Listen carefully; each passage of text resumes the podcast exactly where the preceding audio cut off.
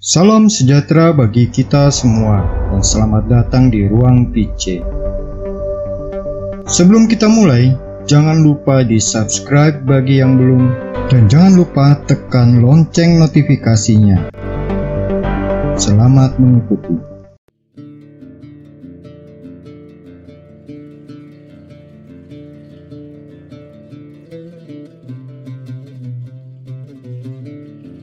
Kana di kota inilah Yesus pertama kali membuat mukjizat dalam sebuah pesta perkawinan. Sebuah kota di wilayah Galilea yang terletak di utara Israel dan berbatasan langsung dengan Libanon di selatan. Kota Kana yang dimaksud dalam kitab suci ini adalah situs kota Kaf Kana yang masa sekarang kota ini adalah sebuah kota Arab Israel karena mayoritas dihuni oleh keturunan Arab. Di kota ini juga tempat asal Santo Bartolomeus, salah seorang rasul dari 12 rasul Tuhan Yesus.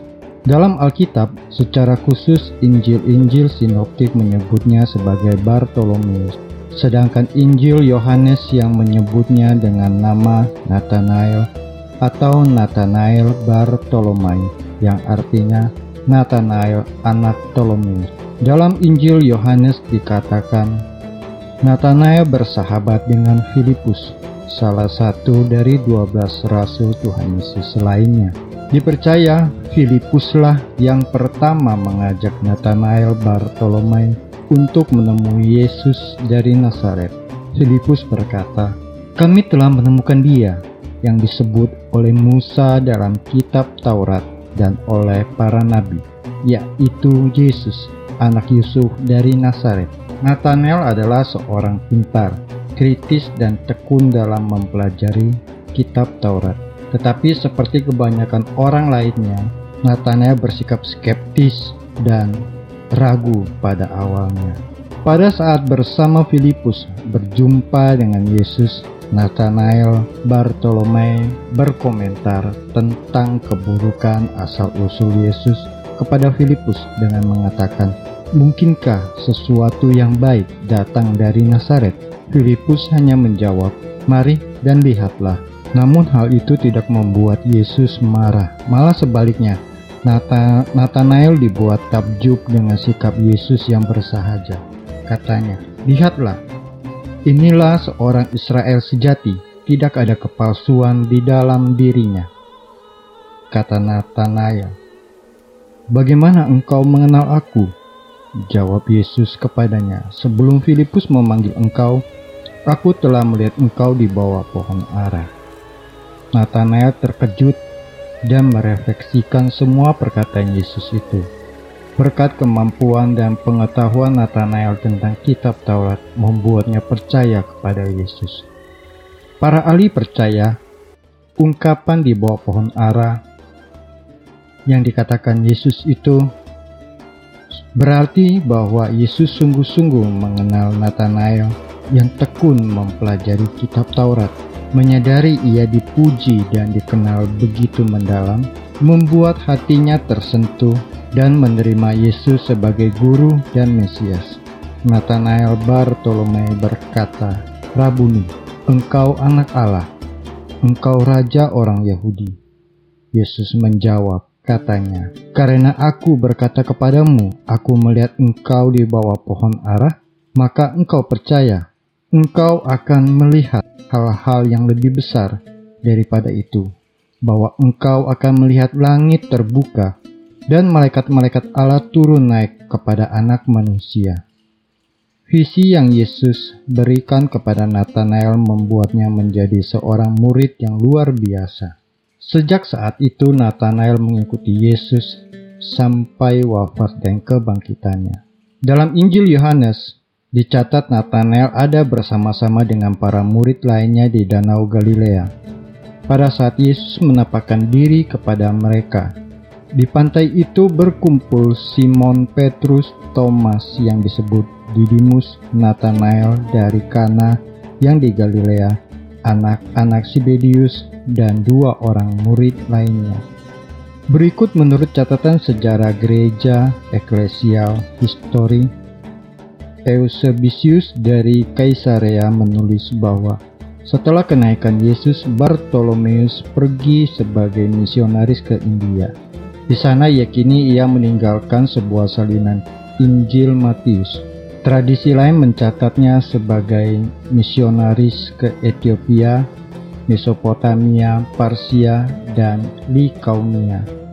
Pada abad pertama Masehi, bersama Rasul Yudas, anak Yakobus, Bartolomeus membawa kekristenan ke Armenia maka kedua rasul ini diangkat sebagai santo pelindung bagi gereja apostolik Armenia. Menurut sebuah riwayat, Nathanael mentobatkan Raja Armenia Polimus, lalu menjadikannya seorang Kristen. Akibatnya, Astyages, saudara laki-laki Polimus murka dan menyuruh Bartolomeus dihukum mati. Dikabarkan Bartolomeus mati sebagai martir di Albanopolis di Armenia. Kepalanya dipenggal, tetapi ada juga tradisi yang lebih populer menceritakan kalau Bartolomeus dikuliti hidup-hidup dan disalib dengan kepala di bawah. Pada abad keempat, jenazah Bartolomeus dipindahkan ke sebuah gereja di Roma, di sebuah pulau di tengah-tengah sungai Tiber.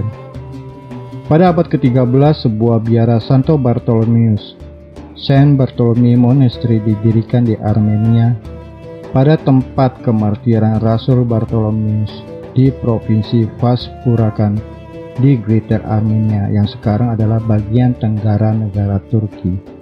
Gereja merayakan pesta Santo Bartolomeus pada setiap tanggal 24 Agustus. Sahabat Ruang Pice, kita sering ragu dan skeptis terhadap pewartaan kerajaan Allah. Kita sering melihat dengan sudut pandang sempit dan cenderung melihat sebelah mata kehadiran gereja yang sejati. Lihat, inilah seorang Israel sejati, tidak ada kepalsuan di dalam dirinya. Tuhan Yesus melihat Santo Bartolomeus yang sesungguhnya, mengenalnya dan memberinya visi yang luar biasa yaitu menjadi saksi Tuhan Yesus yang telah bangkit mulia. Kita juga mau menjadi Nathanael Nathanael kecil, menjadi Bartolomeus Bartolomeus kecil lainnya supaya kita beriman sama seperti Nathanael atau Santo Bartolomeus.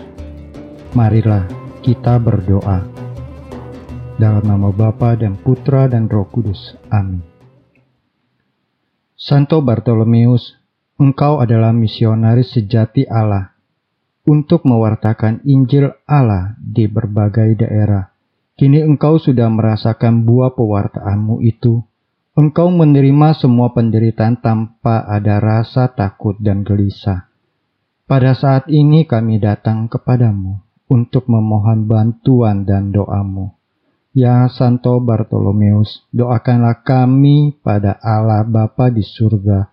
Bantulah agar jiwaku ini bisa tenang dan mampu menghadapi segala persoalan yang sedang aku hadapi. Aku percaya bahwa iman akan Allah dan ketenangan hati adalah kunci untuk menyelesaikan persoalan yang aku hadapi. Mohonkanlah kepada Tuhan agar kegelisahan ini berkurang dan ketenangan segera kembali lagi kepadaku. Doakanlah keluarga dan sahabatku agar mereka tetap dapat memberi dorongan dan penghiburan yang dilandasi rasa kasih. Bantulah juga semua orang yang selalu merasa gelisah dalam hidupnya. Kiranya berkat doa-doamu, mereka dapat lebih tenang dalam menghadapi berbagai persoalan hidup ini. Amin. Dalam nama Bapa dan Putra dan Roh Kudus. Amin. Sahabat Ruang PC, demikian episode kali ini. Silakan tulis komentar Anda untuk saling berbagi Kasih like bila Anda suka, bagikan ke teman-teman, keluarga, atau media sosial Anda supaya bisa memberi inspirasi. Subscribe atau tekan tombol loncengnya supaya Anda selalu mendapat pemberitahuan setiap ada video baru. Tuhan memberkati. Non scole set vita discimus.